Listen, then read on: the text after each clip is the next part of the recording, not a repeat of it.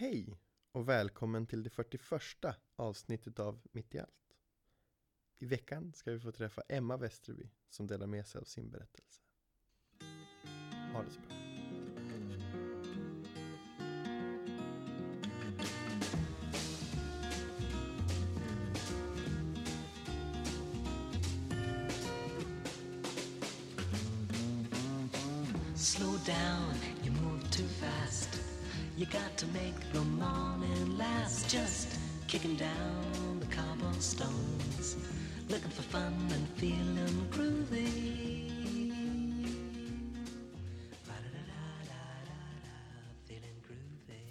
Hej Emma, Hej, hur är läget? det är bra. Skönt att höra. Mm. Eh, det ska vi återkomma till. Eh, berätta lite om dig själv. Vem är du? Det blir så här standard. Jag heter Emma, jag är 19 år. Eh, jag gör just nu ungdomsåret här på ungdomsenheten på församlingsgården i Umeå stadsförsamling. Det är ganska coolt. Eh, och därför så fick jag flytta hemifrån för typ en månad sedan. Det är också ganska coolt. Ganska konstigt. Men samtidigt så är jag ganska mycket med min familj ändå. Mm. Och mina vänner. Och sådär. Det är typ jag just nu. Du väljer, är en sån där jobbig människa. Jag tycker att det här är ett intressant fenomen i vår samtid. Men du beskriver det själv genom att berätta vad du gör. Mm. När du, vem är du? När du inte gör ungdomsåret. Vi ska prata mer om det sen. Men när du inte gör ungdomsåret, vem är du då? Jag tror jag är ganska... Jag skulle vilja säga att jag är ganska lat. Det kanske låter som att man inte så här, äh, tänker så bra om sig själv om man, om man kallar sig själv lat. Men eh, jag tror att jag är ganska bra på att ta vara på tiden och ja, men, ta det lugnt när jag kan. Att jag kan verka ganska ambitiös när jag är i jobbsituation eller skolsituation. Men när jag är bland eh, vänner och eh, familj då kan jag vara ganska lat och kanske visa den där eller våga visa den där avslappnade sidan som jag inte gör annars. Eh, jag vet inte om jag skulle säga att jag är lat men jag, ja, jag vet inte. Eh, vill säga att jag eller jag hoppas att mina, ja, min familj och mina vänner känner att jag uppskattar dem och eh, gillar att, ja, men att jag gillar att umgås med, med människor. Och sen har jag alltid gillat att träna ganska mycket. Men eh, det är väl någonting som jag har blivit lite sämre på nu för tiden. Okay, Men varför? Ja. För att jag tappade väl som lite sugen efter att jag slet av mitt korsband. Jag, jag har, eller efter operationen så tränade jag ganska mycket. Men då blev det ju väldigt mycket bestämd, alltså bestämd träning eller vad man ska säga. Du måste göra det här. Lite rehab. Ja, Mm. eh, varje dag. Alltså Mm. tre gånger om dagen liksom. Oj, Ja. det är mycket. Det är väldigt mycket. Och efter det så, nu när jag får göra vad jag vill då lite mer så har det inte blivit så mycket. Hur slet av korsbandet? Det är jättefånigt. Det, är så typiskt, när man, när man gör någonting sånt så, så känns det alltid så onödigt. Mm. Det var på en eh, sån här fotbollsdag på skolan i ettan på gymnasiet. Och eh, gick in i en situation när vi spelade fotboll. Jag har spelat fotboll väldigt många år. Eh, gick in i en situation som jag förmodligen har gjort en miljon gånger. Mm. Och sen så helt plötsligt så känner jag bara hur benet viker sig under mig. Eh, och så kunde jag inte, ja, jag föll bara ihop. Kunde inte ställa mig upp igen. Men då så förstod jag inte att det var korsbandet och det förstod de inte på vårdcentralen heller på ganska länge. Så att det där, det kan nog vara därför jag kanske lite tappade motivationen till, till att träna. För att det inte riktigt blev på mina villkor längre eller vad man ska säga. Och kanske fortfarande egentligen inte är. Spelade du fotboll fram till det eller hade du slutat innan? Nej, jag spelade. Jag, det. Jag tror jag aldrig har varit i så bra form någon gång i mitt liv som jag var när jag slutade av korsbandet.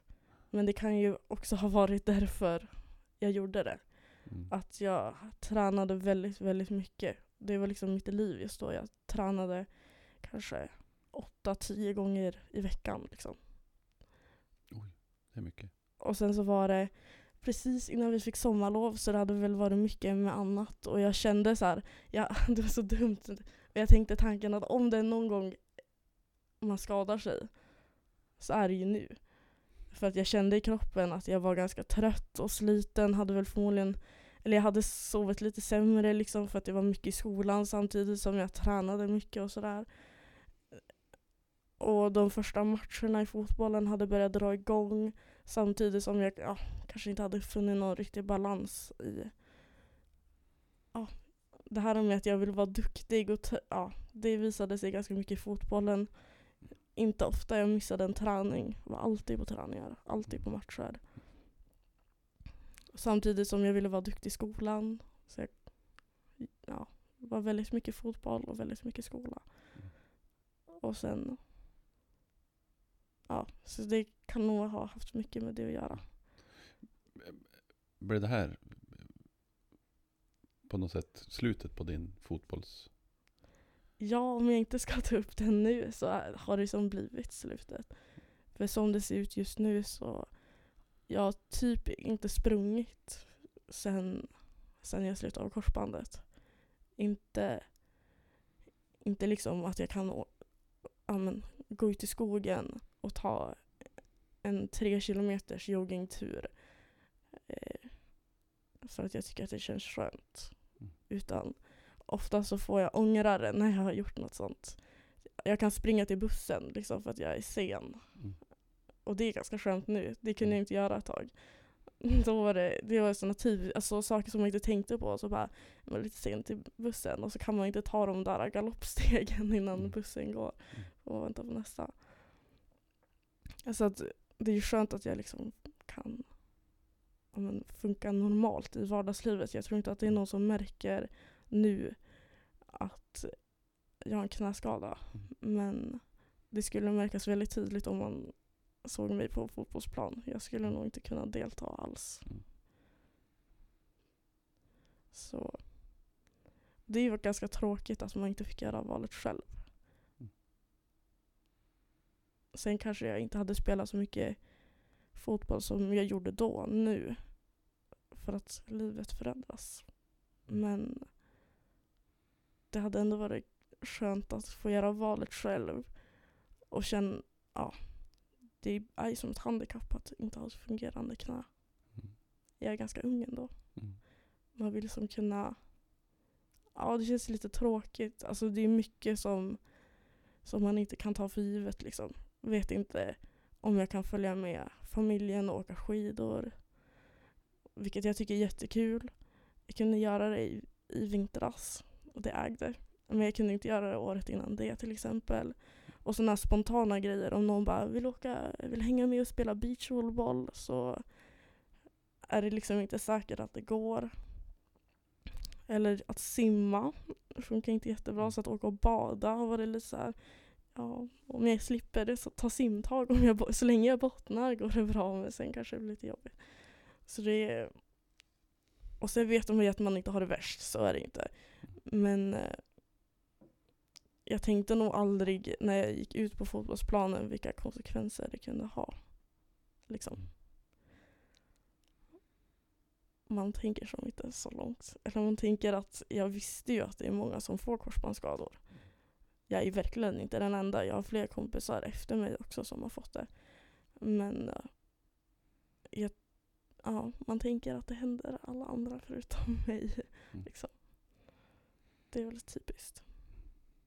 jag sa väl att jag alltid spelade fotboll för min egen skull, för att jag tyckte att det var kul. Men jag tyckte ju att det var väldigt, väldigt roligt. Och jag spelade, då spelade jag i division 2. Eh, men tränade med elit laget Jag var liksom inte bäst, men jag vann ganska mycket på att jag var väldigt träningsvillig. Så jag har ju funderat ganska mycket, undrar hur, hur bra jag hade kunnat bli. Liksom. För att jag var som på gång att, att bli bättre. Men å andra sidan så tror jag att jag ändå ganska snabbt accepterade att, eh, att jag var skadad. Och det blev som ganska, jag vet inte, jag hittade som andra saker, intressen och det var annat som tog upp min tid. Så i början så var det väl lite konstigt att inte gå till fotbollsträningen och allt det där.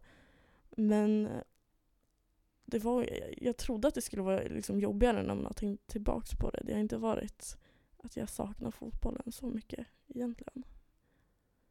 Det är ganska mycket socialt också. Och jag tror jag hittade andra sociala sammanhang som jag trivdes i. Måste ändå kännas ganska skönt att det inte finns så mycket kvar av, av, men, av den här saknaden av det här. Hur, ja vad ska jag säga. Alltså, känslan blir ju att det måste ha varit värre. Om du hade gått under en längre tid och funderat hur bra det hade kunnat bli. Eller, eller saknat fotbollen. Så, men, mm. men känslan blir ju att du kanske var ganska klar med det där. Ja, jag Inte kände, när det hände men sen ändå. jag kände mig, alltså min första tanke när jag skadade mig, för då fick jag, först fick jag bara reda på att men jag skulle vara borta i tre, fyra veckor. Och då tänkte jag, gud vad skönt, nu får jag vila. För jag, jag var som sagt väldigt trött. Mm. Och hade, jag tror jag hade väldigt mycket krav på mig själv. Att jag, ja, men det var mycket så här prestation och ganska i, i fotbollslaget som jag spelade i så var det ganska hård stämning just då. Eh, det är inte alltid så lätt. Även fast det är en lagsport så blir det ju att man konkurrerar om platsen, om den som ska få, få stå i startelvan och sådär. Eh, och det var skönt att inte att slippa det där ett tag. Men sen när jag insåg att korsbandet var av då kändes det inte lika roligt. Nej, det är klart. Då är det ju mer definitivt. Mm. Först, så, först så lät det som att jag skulle klara mig ganska lindrigt undan. Och då tänker man ju att det, ja. Då tänkte jag mest, åh vad skönt, då får jag vila. Men eh, så blev det inte riktigt. Har du fått vila i två år, Ja, två och ett halvt. Ja i alla fall från fotbollen. Mm. Men det har varit mycket, mycket annat som jag fått kriga med istället.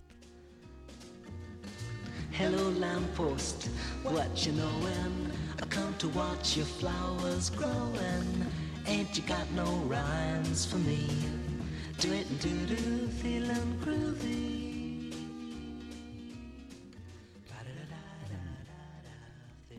Backa till en sak du sa. Eh, jag vill vara duktig, Mm. eh, sa du i fotbollen i, i skolan. Eh, hur påverkar det dig? Jag tror att det påverkat mig väldigt mycket. För att jag har haft ganska svårt att säga nej till saker. Att jag inte vill göra någon besviken. Och det har väl resulterat i att jag har tagit på mig ganska mycket saker. Saker som jag tyckt i och för sig har varit väldigt roligt. Men i längden så kan ju många roliga saker till slut bli ganska så här stressigt eller ja, lite jobbigt. Så jag, jag tror att jag, eller jag har väl lärt mig av mina misstag att jag ofta har tagit på mig eller gjort väldigt mycket roliga saker. Men har en hel del gånger landat i att det här varit kanske lite, lite väl mycket och känt att jag ja, inte riktigt har orkat. Eh, men det är väl alltid en balansgång. Jo, som man får som man får lära sig av. Och jag tror att jag har lärt mig. Jag har börjat att testa och säga nej till saker. Eh, och så, för min egen skull. Men Men det är inte lätt. För jag tror fortfarande, eller jag vet att jag fortfarande tycker att det är jobbigt att göra andra personer besvikna. Men på något sätt så måste man ju vara snäll med sig själv också.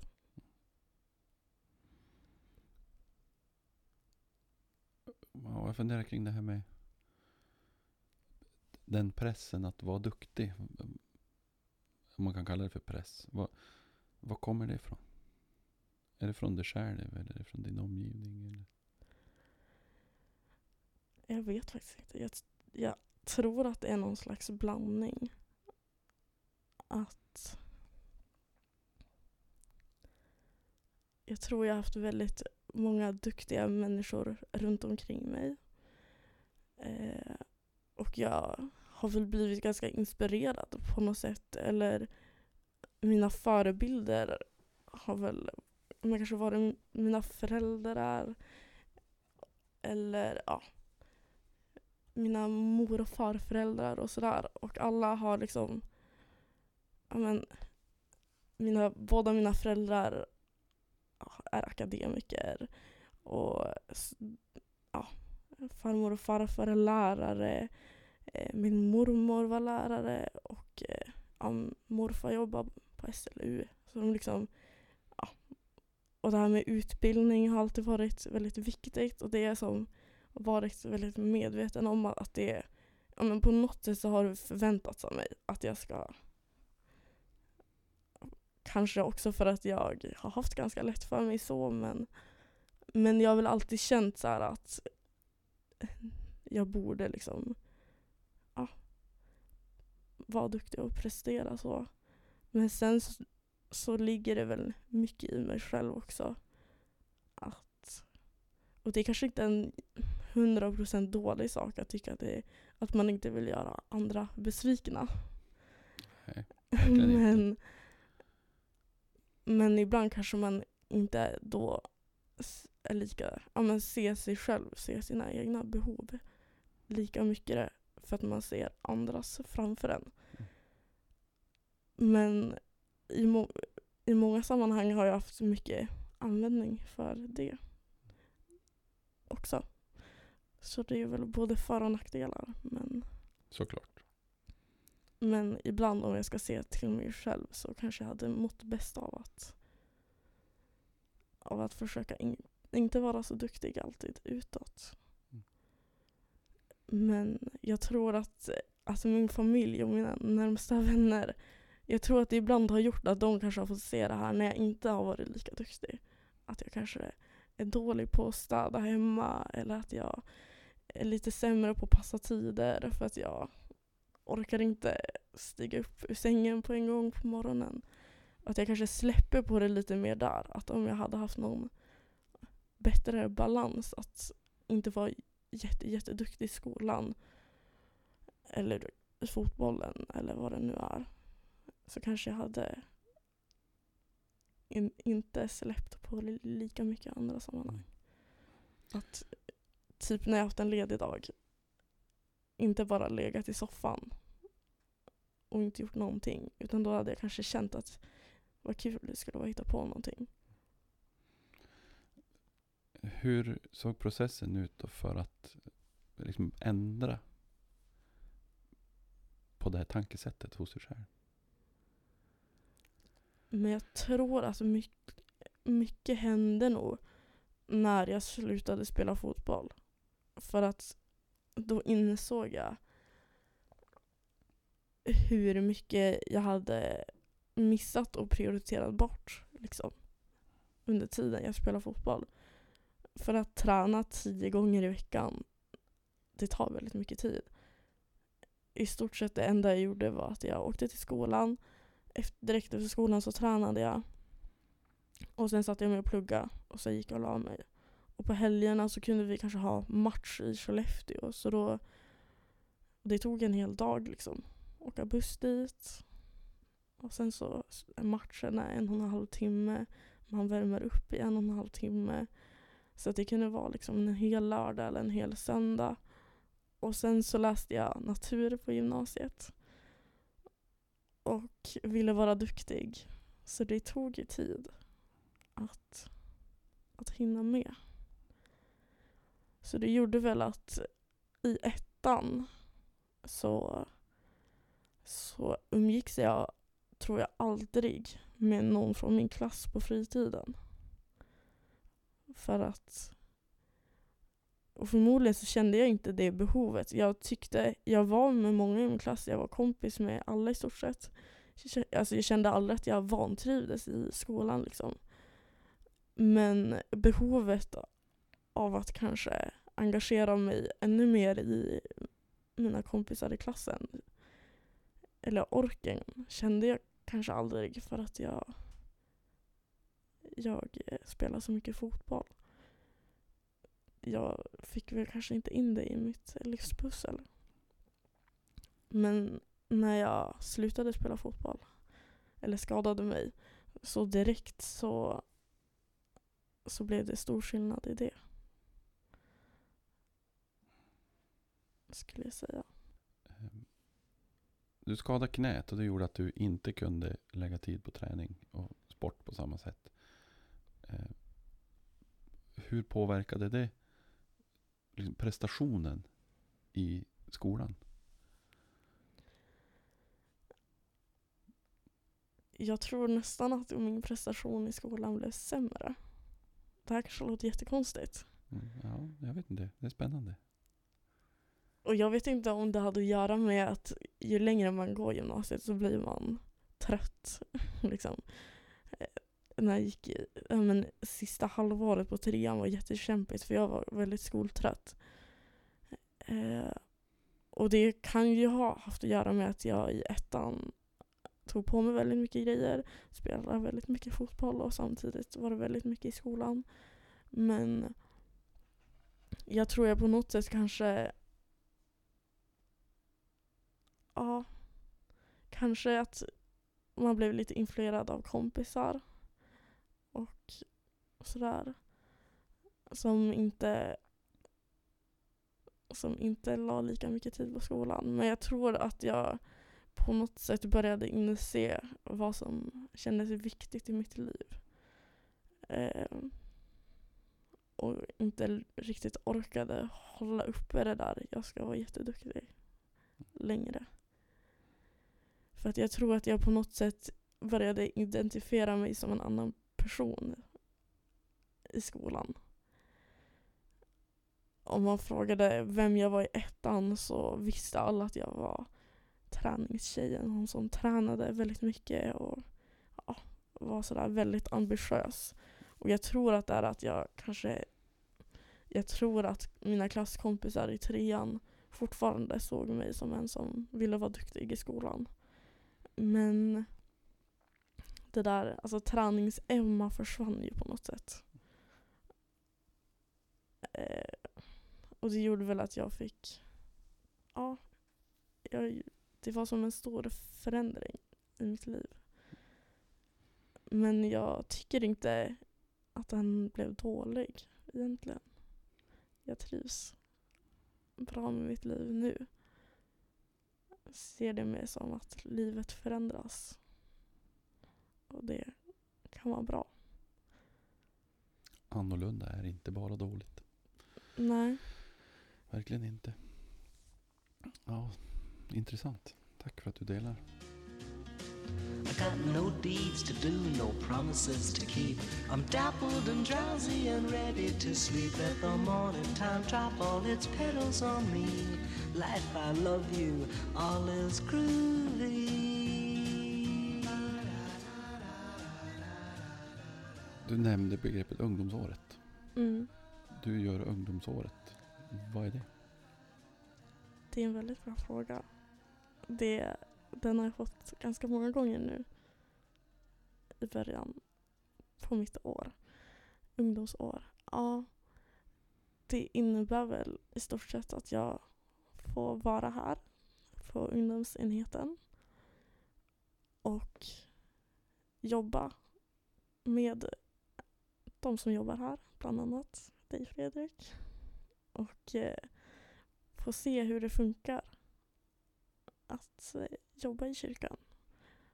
Jag får testa på att men, göra allt möjligt. Det är jätte, väldigt intressant. Att vara med i olika grupper och projekt och ja, se mycket olika människor. Och det är väldigt spännande. Jag har fått en helt annan bild av, av allt redan. Och jag tror att det kommer det kommer nog bli, ja, får se hur det känns när jag gjort klart ungdomsåret. Ja, spännande. Mm, men det är ja, mycket positivt än så länge.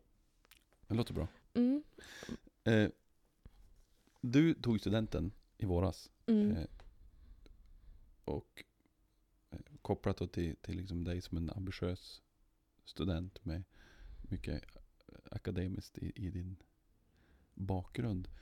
Då blir ju ungdomsåret lite, en lite annorlunda väg, en lite oväntad väg kanske att gå. mm. Hur kommer det sig att du valde att söka hit? Jag kände väl min skoltrötthet ganska tydligt. Och jag vet att det inte är så, men det känns som att välja en utbildning är ganska definitivt på något sätt. Och jag vet inte om jag känner mig riktigt redo att göra det valet. Det var som det jag funderade på innebar att ganska mycket skulle förändras. Och jag vet inte om jag kände att det kändes, det kändes inte riktigt bra. Eh, men samtidigt så kändes det inte heller riktigt bra att jag tror att jag aldrig har varit den personen som har känt till exempel ett behov av att resa så mycket. Jag har aldrig haft drömmen att jag vill åka till jag vet inte, andra sidan jordklotet med min lilla ryggsäck och bara se vad som händer. Eller, eller tänka att jag, jag, fixar, jag skaffar nog ett jobb någonstans och så jobbar jag med det. Så, ja. Utan jag eh, har nog ändå känt att jag vill ha någon slags plan. Eh, på något sätt. Och känna att det jag gör är givande. Det var väl mer det. Att det, för mig så känner kändes det inte så givande att ta extra jobb på ett café och jobba där ett år liksom. För att jag inte orkade plugga. Och jag kände Amanda som gjorde ungdomsåret tidigare. Och eh, visste liksom om att det fanns. Och sen så såg jag att det söktes en ny. För man gör det bara ett år. Eh, och eh, jag hade väl pratat med mamma om det lite tidigare så här, för att vänja henne vid tanken. För att jag, jag har alltid sagt att jag, jag vill plugga vidare. Läsa någonting på universitetet. Men jag kände väldigt starkt att jag vill inte göra det nu. Och jag tror att mina föräldrar varit lite oroliga. För att de tänker väl att, och det kan jag förstå, att nu när jag inte har pluggat på ett tag, jag känner redan att det är ganska skönt. Det finns liksom fördelar med det. Men ja, de, jag tror att de var lite oroliga i början att jag inte skulle, eller att jag inte ska plugga sen.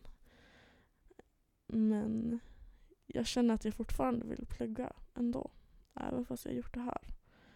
Och jag tror att, eh, att det kommer ha hjälpt mig mycket om jag ska vara egoistisk. Att ha fått göra det här. Alltså att ha fått gjort det här.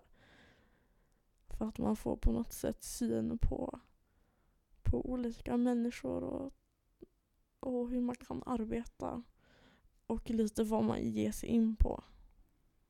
På något sätt. Om jag, ja. hur arbetslivet kan se ut. Det är inte, kyrkan täcker väl inte hela spektrat men, men man får möta många människor som har gjort mycket olika saker. Och det är ganska inspirerande.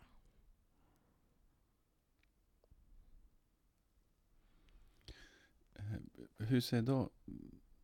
Att, att liksom hänga i kyrkan är ju på något sätt lite kontroversiellt nästan Mm. i, i, nu för tiden. Vilket är intressant. Väldigt Mm. intressant. Men, men eh, så ser det ut. Eh, Hur ser din eh, kyrkohistoria ut om man säger? Alltså, din relation till kyrkan. Egentligen, ja, hur har du hamnat här då? Egentligen så har jag varit i kyrkan väldigt länge. Men jag tror jag aldrig har reflekterat så mycket över det. Utan att jag som mer har, det har bara blivit så. Så att när jag var fem, sex, sex år var jag väl. Då sjöng jag i kör här, i Sångfåglarna.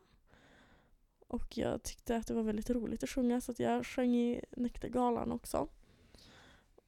Jag vet inte hur, hur länge jag höll på men till kanske sjuan, tror jag. Hur gammal är man då? 11? 12? 13 tror jag. 13? Är man så gammal? Är sjuan? I sjuan? Ja, 14 när du började åttan. Det är sant. Ja, så jag sjöng i kör tills jag var 13 då.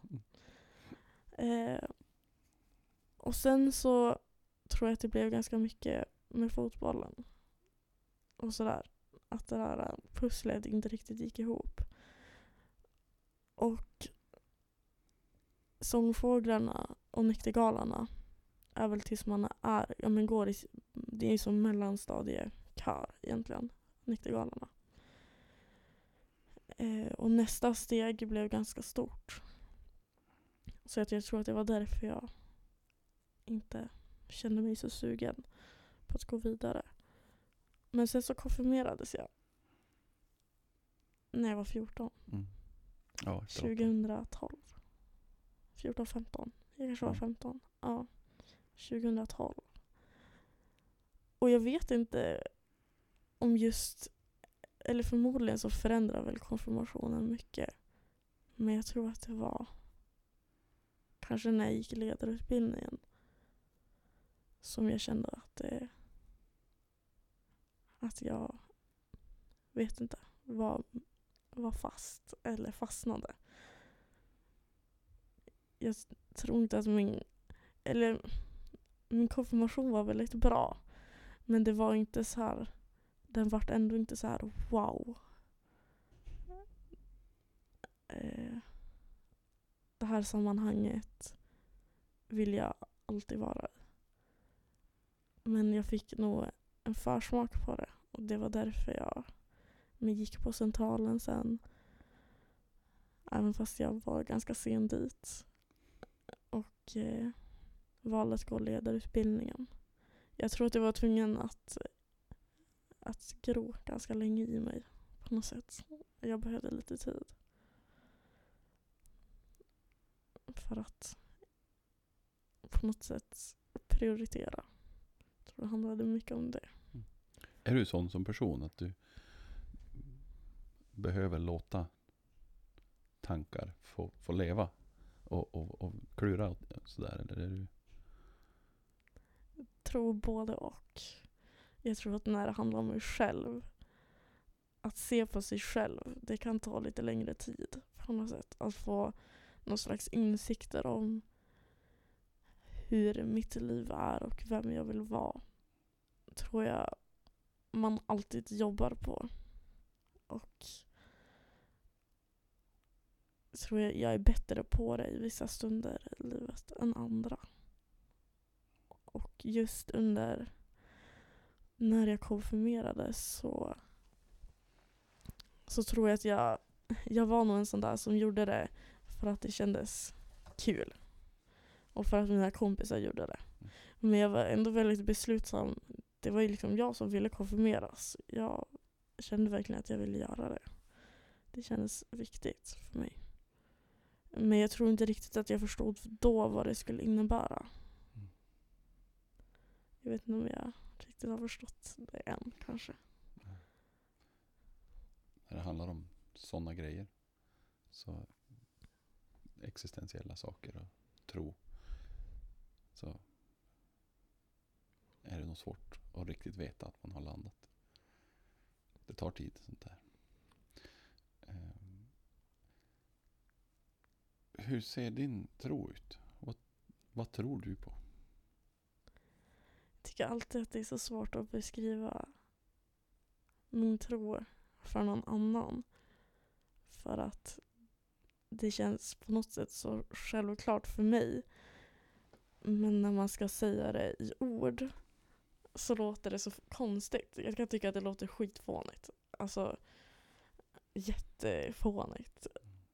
Eh, så jag kan verkligen förstå att vissa undrar vad jag gör i kyrkan. Nej men men jag, på något sätt har jag alltid velat tro att det finns något mer som är större än mig själv. Och det är ganska skönt att, att känna det, kan jag tycka. Att, V- vad ger skönt? Hur då? men att man inte känner sig så ensam, tror jag. Det kanske, inte för att jag är en ensam person, alltså jag har alltid haft eh, min familj väldigt nära och sådär. Men det är ganska skönt att så här, det finns något större än mig själv. Och ja, inte så utelämnad. Vad som än händer så, så blir det på något sätt bra till slut tror jag. Och det ligger i att det kanske inte allt hänger på mig liksom. Det låter ganska konstigt. Jag tycker att det låter ganska skönt. Det är väldigt skönt. Mm. Och det är väl det jag försöker säga till mina kompisar som ja, men i skolan på religionen till exempel. Så i min klass så blev det ganska så här, men hur kan man, många är ifrågasättande. Och det är väl kanske på ett sätt bra för då har de väl någon slags tanke själv. Men jag tror många har, eller en del har liksom svårt att förstå att men kan, det, kan man inte bara acceptera att det, det kan kännas skönt för någon annan att få ha den tanken. Spelar det någon roll om det är sant? Alltså så kan jag tänka ibland. Om Gud inte finns, vad spelar det för roll? För det kan kännas så skönt för så många att tro att han finns. Eller att veta att han finns.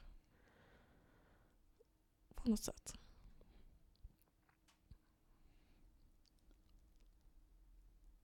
Har, har du alltid trott så här? Eller, eller har det här vuxit fram nu? Eller senare så att säga? Jag tror att jag på något sätt har samlat mina tankar, eller hur man ska säga. Att jag kunnat formulera det, i alla fall för mig själv. Eh, det kommer senare. Men tanken att Gud finns har aldrig varit konstig för mig. Som jag kan komma ihåg.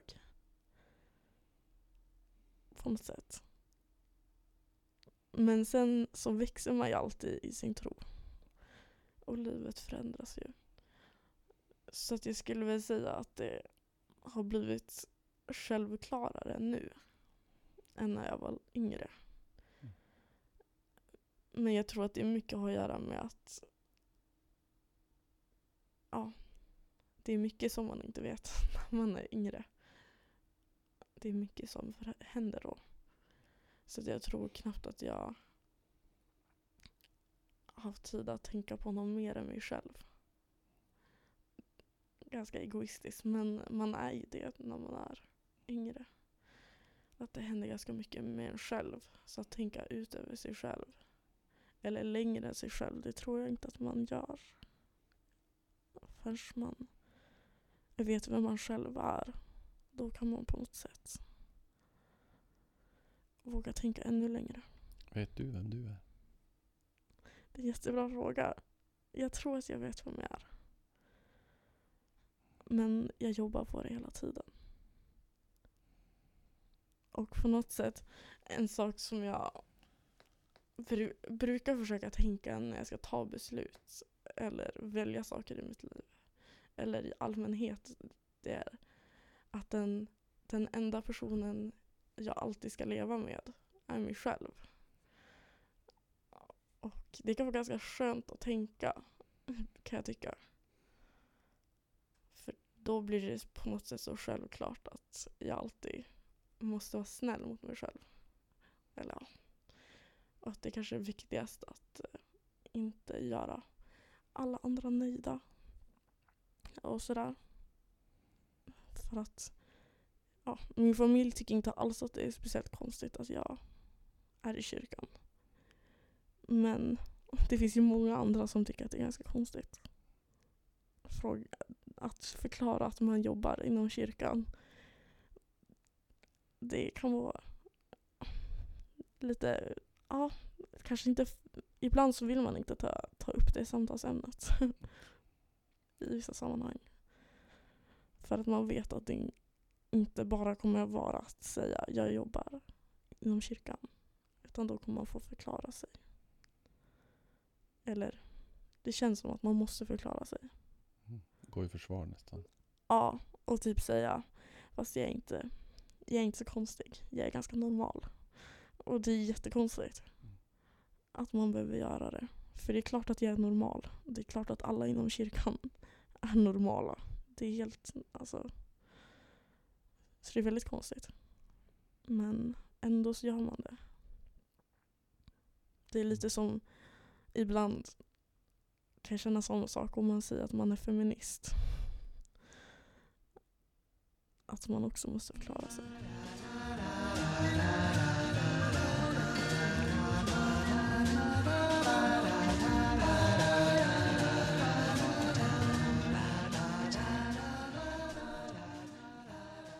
Den förra gästen ställde frågan.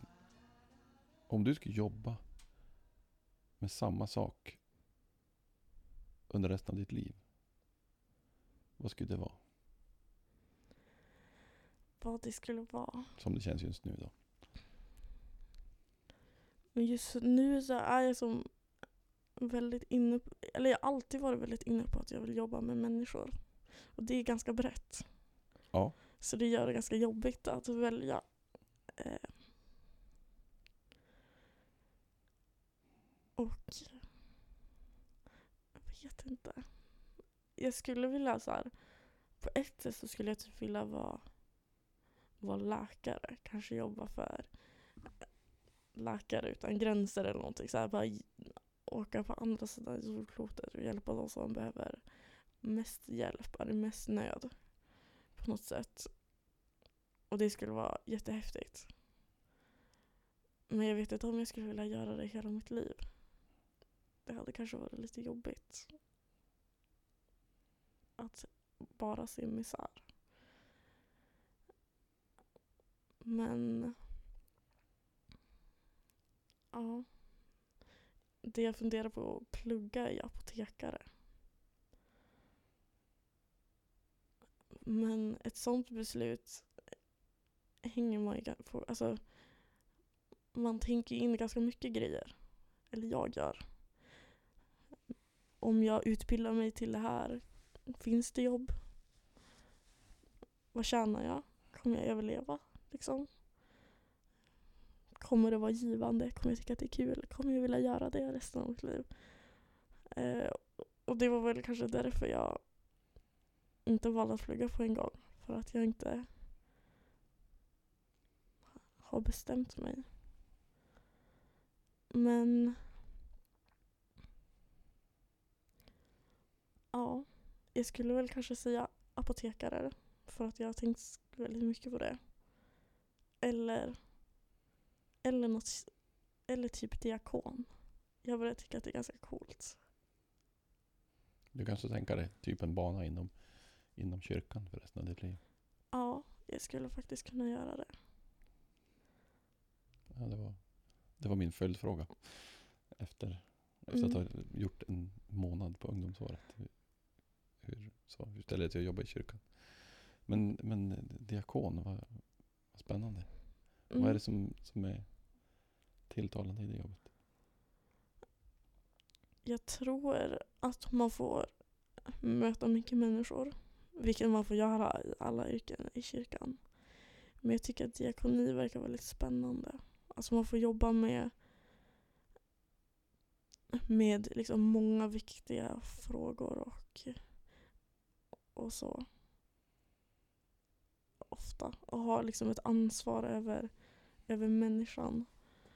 Eh, ett annat ansvar kanske, eller det är svårt, som lite svårt att definiera men jag tänker att eh, präst vet jag inte riktigt om det känns som en grej. Det känns som att man, att man på något sätt får jobba lite mera i samtal och avslappnat med människor oftare. Eh, och vara lite, jag vet inte. Det kanske låter jättekonstigt. En präst kanske tycker att jag är helt fel ute och cyklar. Eh, Mm. men, mm, men jag tror inte att det här att predika och, och liksom stå, stå i centrum så framför en församling är det jag är mest intresserad av. Utan kanske att få jobba lite så närmare människor oftare i nära samtal. Mm. Ja, och det är ganska... Och jag har väl fått se nu en del vad, vad en del diakoner jobbar med. Och det, det finns så mycket man kan göra som är häftigt. Mm. Så därför så, så har jag också funderat på att läsa någonting på universitetet så att diakon kanske fortfarande ett alternativ. Så det är väl därför jag velar ganska mycket nu. Vad jag ska göra sen. Då var det bra att du inte började plugga på en gång i alla fall. Mm. Annars hade jag nog aldrig ens tänkt tanken. För att det är svårt att veta och jag tror att det var väldigt bra att få se vad olika har för roll och vad man kan göra. För att, för att man är församlingspedagog eller präst eller diakon så, så kan man göra otroligt mycket olika saker. Eh, så egentligen så tror jag att jag skulle trivas i vilken yrkesroll som helst på något sätt. Bara man hamnar i rätt sammanhang, Mm. i rätt kyrkligt sammanhang. Det är nog ganska viktigt. Mm. För det finns väldigt mycket olika saker. Oh ja. Men det är på något sätt häftigt, för då kan alla hitta sin grej. Mm. Ehm, då ska du få ställa en fråga till nästa gäst. Har du någon på lager? Mm. Jag kom på den nyss. Kör. Jag vet inte riktigt hur jag ska formulera. Men om du fick rama in och sätta upp på väggen en, en, liksom en tidpunkt eller en stund i ditt liv. Vad skulle det vara? Eller vilken skulle det vara? Ja, Vilken spännande eh, fråga. ja. Eh, du ska få svara på den själv. Eh, om du skulle rama in en tidpunkt i ditt liv. Vilken skulle det vara? Det jag tänker på nu, Mm. så kommer upp först. Men det skulle kunna vara så otroligt mycket. Men det skulle nog vara när jag satt ensam hemma på golvet i köket efter jag hade opererat mitt knä. Och så skulle jag men, göra min rehab. Och eh, en av rehabövningarna var att jag skulle försöka lyfta mitt ben från golvet. Och det gick inte. Alltså jag kämpade och kämpade. Jag satt varje dag. Alltså tre, jag hade suttit två, tre gånger om dagen varje dag i en vecka. Och jag tog i allt jag hade och benet lyftes inte. Och sen så skulle jag göra den där rehaben en dag innan skolan. Och sen helt plötsligt så lyftes benet. Och det var, det var så konstigt. På något sätt. och så lycka. Och så satt jag i min lycka ensam. Och det skulle vara ganska häftigt så här, att om någon skulle typ ha tagit ett foto på mig då och ha på väggen. För jag tror att det hade kunnat den, det ögonblicket tror jag att jag, ja, om man hade kunnat kolla på det andra gånger i livet så tror jag att det hade kunnat vara ganska coolt. Vad var det för känsla som, som, eh, som dominerar det här ögonblicket? Men det var för det första är det väldigt konstigt att inte kunna lyfta sitt eget ben. Mm. Och sen tror jag att det kändes som en befrielse på något sätt. Att jag kände, jag kände mig mer som mig själv. Jag vet inte. Alltså väldigt befrielse. För att det var ju typ det som var jobbigast med att opereras. Ja, operera mig. Att, eh, att jag inte kände mig som mig själv. Jag var inte van vid att behöva så mycket hjälp. Jag kunde inte lyfta mitt eget ben. Jag behövde liksom hjälp att sätta på mig byxorna. Jag behövde hjälp med mycket. Och det var liksom någonting också som jag hade kämpat för själv. Ingen annan kunde lyfta mitt ben utan, utan det var jag som kämpade varje dag. Tills det gick. Och att jag då var ensam och liksom inte kunde visa någon på en gång utan jag satt och lyfte mitt ben upp och ner. Och var överlycklig. Ja, det var ganska coolt bara. Häftigt. Mm. Men kanske inte, ja, jag vet inte. Kanske ramar in väldigt mycket. Ja. Eh, Hur är ditt musikintresse? Det är väl på något sätt ganska stort. Men jag tror jag mest lyssnar på musik som, jag är inte så bra på att hitta egen musik tycker jag. Jag vet inte. Utan jag tror jag lyssnar på väldigt mycket det ja, men andra visar mig. Jag tycker mycket är ganska bra. Eh, Du ska få avsluta din podd med att eh, välja en låt Mm. eh, och berätta varför du har valt den. Eh, Först ska vi säga tack så jättemycket Emma för att du har varit med. Och delat dina tankar och berättelser. Tack så Mm. jättemycket. Det var kul att få vara med. Då ska du få välja en låt eh, som avslutning och berätta vilken och varför. Den låten jag faktiskt har tänkt på, som tänkt ut. Det här var innan vi har suttit och pratat ganska mycket om mitt knä. Eller mm, ja, hur en korsbandsskada kan förändra. Väldigt konstigt. är en låt som heter Perfect Ruin, tror jag. Av en som heter Quabs. Vet inte om man uttalar det rätt. Eh, och den här låten lyssnade jag väldigt mycket på när jag gjorde min rehab. Alltså typ satt på golvet och försökte lyfta mitt ben och spänna mitt ben. Och på något sätt så, jag tror att den här perioden i mitt liv ändrade väldigt mycket. För att jag fick jobba väldigt mycket med mig själv. Och på något sätt hur jag, vem jag var och hur jag definierar mig själv. Och jag råkade mest bara lyssna på den här låten men när jag hör den igen så, så känns det som att jag sitter på golvet och lyfter mitt ben. Liksom. How long can